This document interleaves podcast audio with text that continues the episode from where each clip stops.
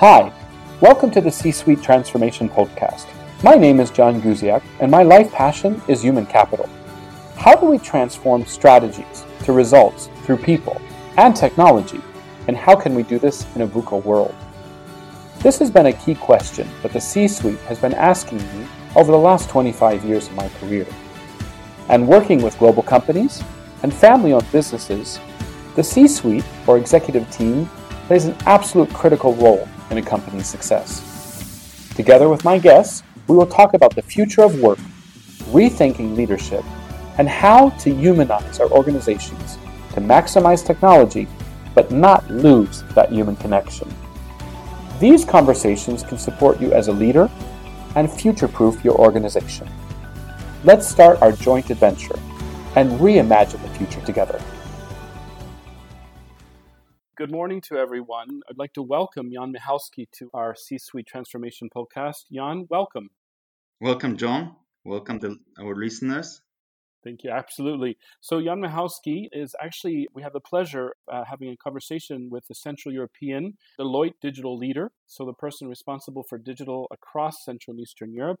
That's a tremendous accomplishment. Maybe Jan, you could briefly introduce yourself and a bit of your background to our listeners.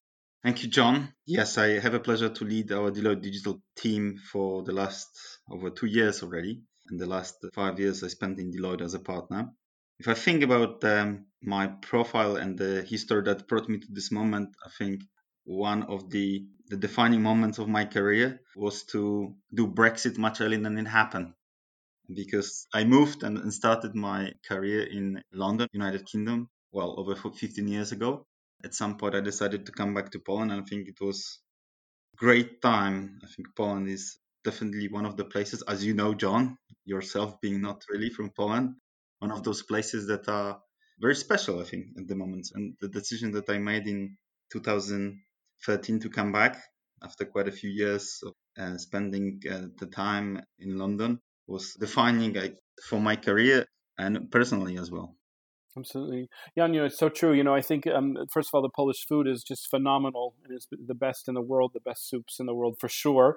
Um, and at the same time, I think also the culture of Poland is just something that uh, is exceptional for sure. And I can understand that having lived in both Poland and Spain and, and returning to Poland a second time now. But it's also, I think, John, it's, it's an also very special place now in the European map, Poland, because uh, I don't think there is or probably there are a few countries that in the last few years made such a big jump in terms of developing of infrastructure, culture, also like business wise. I think uh, we are on raise and a lot of things are changing for good in terms of the business and the progress we're making. So, so I think definitely an exciting place to be. Absolutely. And I would call it even a tiger, if you will, in regards to the countries for sure. Now, digital is in your title. Digital, uh, how in the world did you get involved in, in digital and that whole concept of digital? Is this something that you grew up with, always wanting to be in, in the world of digital, or is this something that basically came in, into place over a period of time? Well, when I was starting in, in digital, or something we would call digital now, it was not called digital. It was not cool at all. It was IT. okay. Or it was somewhere in between IT and business. And, and I think it was a choice that I wanted to be closer to technology. Actually, I started my career in banking and investment banking, but then moved into technology and working in a space where where digital now happens. And it was a there were a few factors that I considered. One, I wanted to work with closely with people and by delivering values, but also and if you want to do that in business, I think the place to do this is technology. I was quite always I had my first computer very early in I think it was 1990 or 1991. Mm-hmm. My first PC, and I started programming early, then gave it up, but still was very close to technology throughout my school and later. And I seen how it changed the way we communicate. I remember when I started university, I had my first email account established, and I suddenly could communicate with my friends and colleagues from student organization I was involved in at the time throughout the world, and very quickly that became quite something I was very interested in. And I've seen how it changed also the way we work from like sending faxes to sending emails and be able to uh, getting in touch with people much quicker. That's and this excitement about technology and, and how it shapes the experiences we have uh, with each other and ability to communicate was with me. And I think when I was thinking about choosing my career at the time, I thought that a having an impact on business, but having been close to technology is the place I would like to start. And that's how I decided to go into, well, instead of continuing with investment banking, financial services, to go into more technology consulting at the time. Wow, excellent. And you know, it's interesting as you said is is that how our lives changed thanks to this technology, how we were able to communicate um, with people, you know, across different locations, how even, you know, the ability to communicate, for example, with our parents or our friends in real time, how that has literally just changed the way that we view uh, connections and relationships. Now, you also mentioned the word experience. Today, right now, we're all experiencing, in fact, even right now, we're using technology to basically um, share our know how and our experience with our, our listeners. What's really taking place at the C suite level in regards to the business transformation? How do you think right now this the C-suite is viewing digital, and what do you think is is really working, and what do you think are the biggest challenges that the C-suite needs to be thinking about digital and and using digital to really really make a difference uh, in the world and in their business results? I think, first of all, digital means many things for many people. yeah, sure. And it's absolutely one of probably outside of COVID and all the pandemic words and associated words with, with pandemic, all the words associated with digital are probably on some second place in 2020 for sure. In the end, and digital is using technology to deliver experiences and business value. Mm-hmm. And I think it has the last year, I think, put it into the agenda of pretty much every board quite high not looking even at the, the industry you are in, if you are not digitally enabled, that has been probably a catastrophic year for you. If you don't have a strategy how to make your business more digital, how to use the technology better to power your house and future proof your business, I don't know what else you can do, right? It's really uh, now becoming a priority.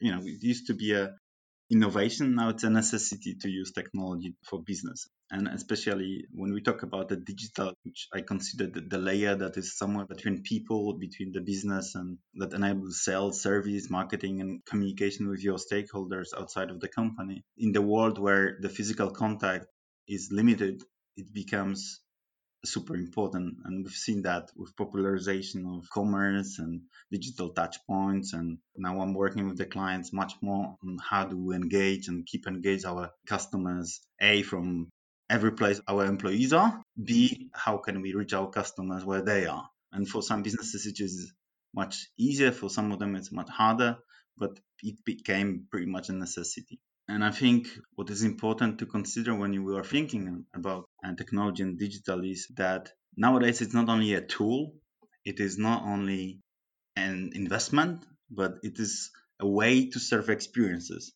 And digital is really enabling to maybe not to replace, but definitely improve the experiences that you can provide a to your employees mm-hmm. and i would put employees on them as a number one because those are the people that are responsible for also serving your customers and clients mm-hmm. and your vendors or your partners. So definitely an important or the first part of the chain that you need to really consider. And I think providing them with technology that improves the experiences now in the situation where a lot of offices are closed or not really used, the only connection between the the company and the employees the technology and digital experiences we serve to them. If those experiences are poor, then the, the perception of the company becomes even less rich that is caused by the pandemic and the physical separation. The same it, it is really for the clients and customers. A, you need to be able to do business with them, but B, you need to serve experiences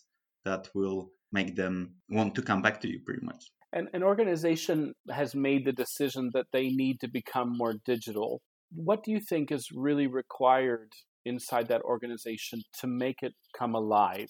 So it's one thing to say we are a digital organization. It's another to actually be a digital organization. What do you think is the real big difference between those that say and those that are? I don't think it's not the state.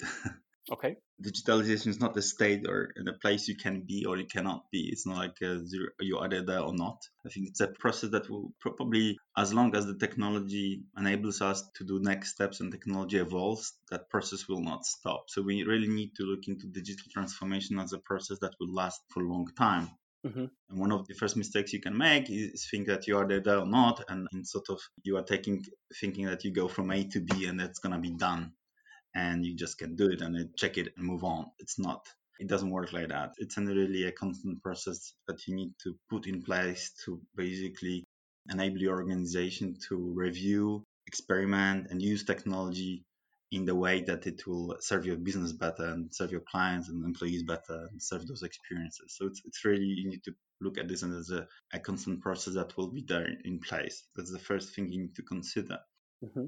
And I think every organization starts in a different stage. And depending on the stage you are in, there are different steps you need to take to go to the next one. We have this in Deloitte Digital, we have those stages defined and we can help the really the, our clients to aid understand where they are and what are the next steps to take it to the next level. But besides the fact that it is a process, and I think the other important thing to consider is how to grow the digital skill set in the organization. Something we call also sometimes in Deloitte digital DNA. Mm-hmm. So, what are the skill sets that are for your organizations required to be more digital, and do you have them or not? I would say there's a quite certain that for many organizations it means bringing new talent in, but it also means that you need to define what are what are those people, this part of the organization that will need to be retrained or provided with new skills. Mm-hmm. As a, it is well required by the current situation, but the, even for the future, upskilling your workforce and your teams and your talent to be able to use technology better and take you to this next levels of, of digital maturity this sort of training and combining technology talent with business talent, for example, becoming an important part of your talent development agenda should become an important part of your talent development agenda. I don't know if it is structured enough, John absolutely no because i think as you said it's important jan as you said is is really is digital is a process yeah and the fact is is that it's a constantly evolving one and then ultimately the fact is that we need to have skills.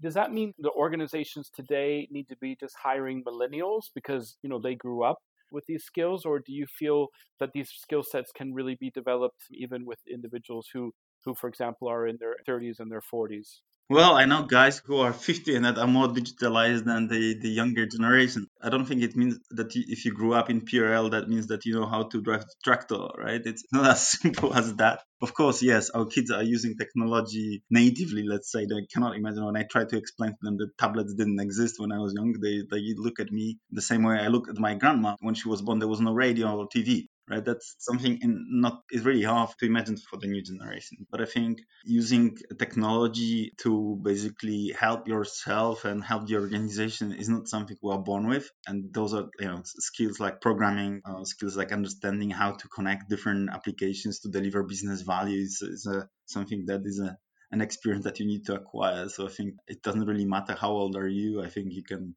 grow up to become a a digitally savvy guy or lady. I think it's a relief uh, for those of us who are slightly older that actually we all can learn uh, basically to be more effective using digital and use those experiences. When it comes to the future of work, so again, our, one of the goal of our listeners is is ultimately how do we future proof our organization? It's five years from now.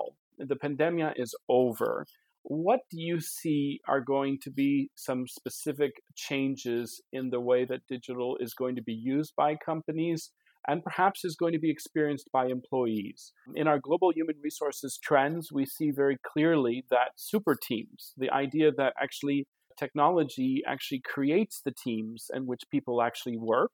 So rather than having a team leader, you actually have a computer actually looking at the profiles of people and their personalities, their experience, and then deciding basically which types of projects, for example, they should be able to work on together. So what that's just one example that we can clearly see thanks to the trends. What do you see is going to be some of the significant changes in regards to, you know, elevating that experience for either the employee um, and the work environment itself? I hope you know, we will learn to use the technology even better than we do today. And a lot of mundane tasks that we do today will be powered by, by AI and we'll be able to deliver much more by using technology. It's already happening, right? There's so many ways we are using technology to make basically ourselves and our teams much more productive. And I think this trend will continue. There's this uh, little story in the conversation I had with my grandfather, whose profession was typesetter I don't know if you still remember those. Oh, sure. When fonts needed to be basically um, established before a page of the book was printed by the people by hands. And my grandfather was used to do that for the largest Polish printing house, and that was a very a job you could be proud of. I like to think about it as like being a developer in 50s, right? Because it was in 50s. You basically were coding books, let's say, by establishing fonts, and then those pages were imprinted on paper, and the books were printed or could be printed based on that and many of them right so you were basically setting up this sort of a stamp if you want to call it a page stamp and then a printing house could basically print this book many many times in thousands of and, and i had this conversation about technology one day with my grandfather and i was asking him like grandpa do you think that the, the robots will replace us? You know your job is not there anymore right? Doesn't mean my job will not be there in the future. What should i do? And he was like smiling and he's like Janek, he said, you know, it's uh, yeah, my job is not there, but if you think about the number of books that are being printed or read at the moment, it's not uh, less than it used to be. It's more, much more. Technology enables us to basically reach new heights in, in every industry. I was, I felt like this is very insightful. Absolutely. We're talking about totally different technology at the time, but I think it's, you know, people are asking like, will AI will it replace you know things we do you know and I, I hope it will replace a lot of things we have to do now enable us to do more interesting things and focus on providing more value rather than you know putting things that can be easily that are easily can be repeated by a computer or suggested right? If you think remember when like the, the other a great example i think that everybody can connect to. You know mp3s hmm, sure. Or the or, or cassettes right? Sure sure. And remember when you had to prepare you know your own CD of songs or your own MP3 player of songs or your cassette of songs uh, for your loved one, for example, like how much time it took sure. to record them from radio or record or find them and using Winamp. and using uh, when it was mp3 and trying to put them together and how long it took how difficult it was you know you probably needed to know more technology than now right? It was a skill to basically to record the song after song on a cassette because then if you did it wrong you cut the previous one and you had to do this again. At the moment it's so much easier right? Just you can select them on, on the uh, player of your choice and basically swipe it with your fingers on your telephone. It takes seconds or minutes to do this uh, to put your favorite. And i think i hope this in future what we will see that is that we are able to use this technology that we have in a similar way to accelerate things we do in work. And hopefully and i really hope the technology that we use in b2b that the technology that is used by our employees in companies will become much more friendly. Because for some reason there's this always huge disconnect. We're using such a cool technology uh, when we're using it at our homes, you know, Netflixes and, and all those apps on our iPhones and our Android phones. They're so nice and neatly look. And then you go to work, and quite often we are met with still a Norton Commander design yep. of systems like that are probably were designed, you know, still in 90s or for some reason for many many years this employee applications were designed for productivity, not for to make experiences and i hope that will change as well. That in future the the experiences we get with, when we're using players on our phones will be very similar to the way we can use our applications at work to make us more productive but in a way that it will enable us to do this also with pleasure. So our will be more productive but also having a bit of a fun doing that. Well, you know, it's interesting what you said is that, you know, going back to your grandfather, is this recognition of this kind of eh, so important is our mentality toward basically technology and recognizing that rather than re- replacing us, it can be actually a way to accelerate what we want to do, you know, from a work perspective so that we can have more fun at home.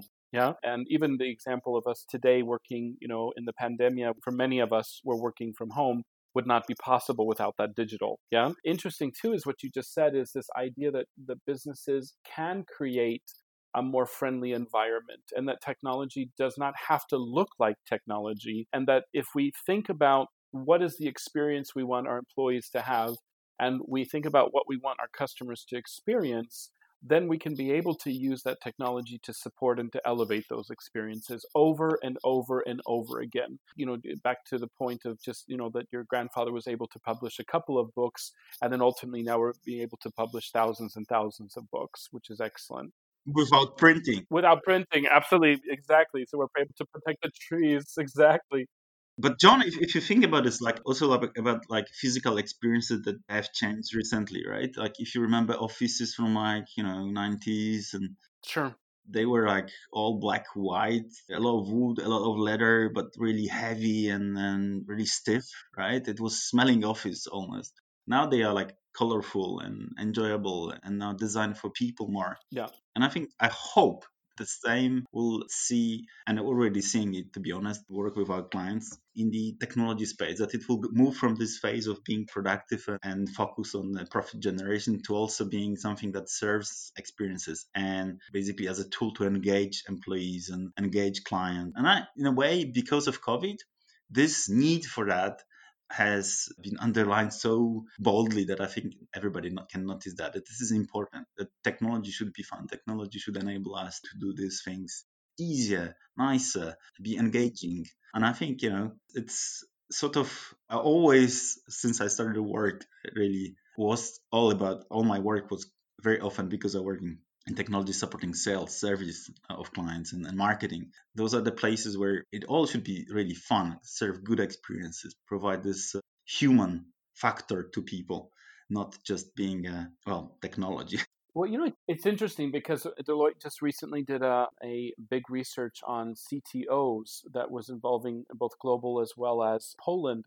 And one of the major surprises that came out was that more than 50% of, of CTOs and CIOs actually don't come from technology, but come from other parts of, of the industry. Does that surprise you, that research? No, I, I don't. I don't come from technology as well, right? I studied business studies. I hope you know technology will be more welcoming. It's just it will be basically part of the business, and it will be considered by all the people as something that is easy and nice that can really empower your life. And you know, we use it now so seamlessly every day. I for communication to work because we're all, all locked up. Most of us are. If you don't have internet at any office, you pretty much is your ability to deliver value or ability to connect to your colleagues, ability to connect to your clients disappears. That shows you how important technology is. So I'm not really surprised. And I hope it will be happening even more. There's one more reason for that because when we're talking about the digital skill set, one of the most important things that when I talk to my clients, when they ask me like, how do you establish a, how can I establish a successful digital team as you, did, Jan?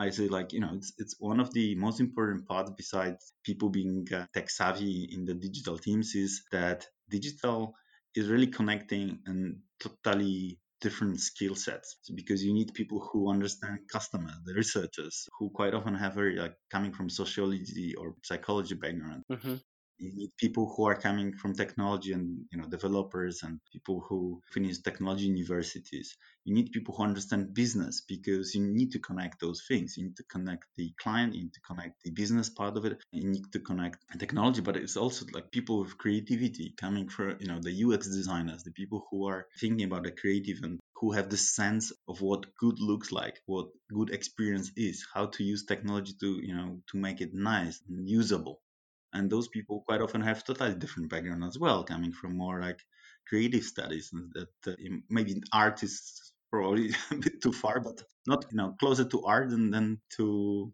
a typical management studies right? So you have all those different people and one of the uh, success factors for to be successful with digital is to connect all those different people together in teams. Mm-hmm. and when that you connect them then magic happens. You suddenly technology people better kind of through researchers can better understand what customers really want mm-hmm. can better understand how to drive business value because the business people will tell them and the designers can make it look nice and really fulfilling the needs of the clients so i think you know i'm not surprised because if you think about that if digital is connecting all those different things you can be successful CIO who work in teams like that and have a you know coming from you can come from an interior designer, I guess, background, like mine was at some time. It's, it's fascinating what you've said because I think too often when we think of digital, we just automatically think of, of technology.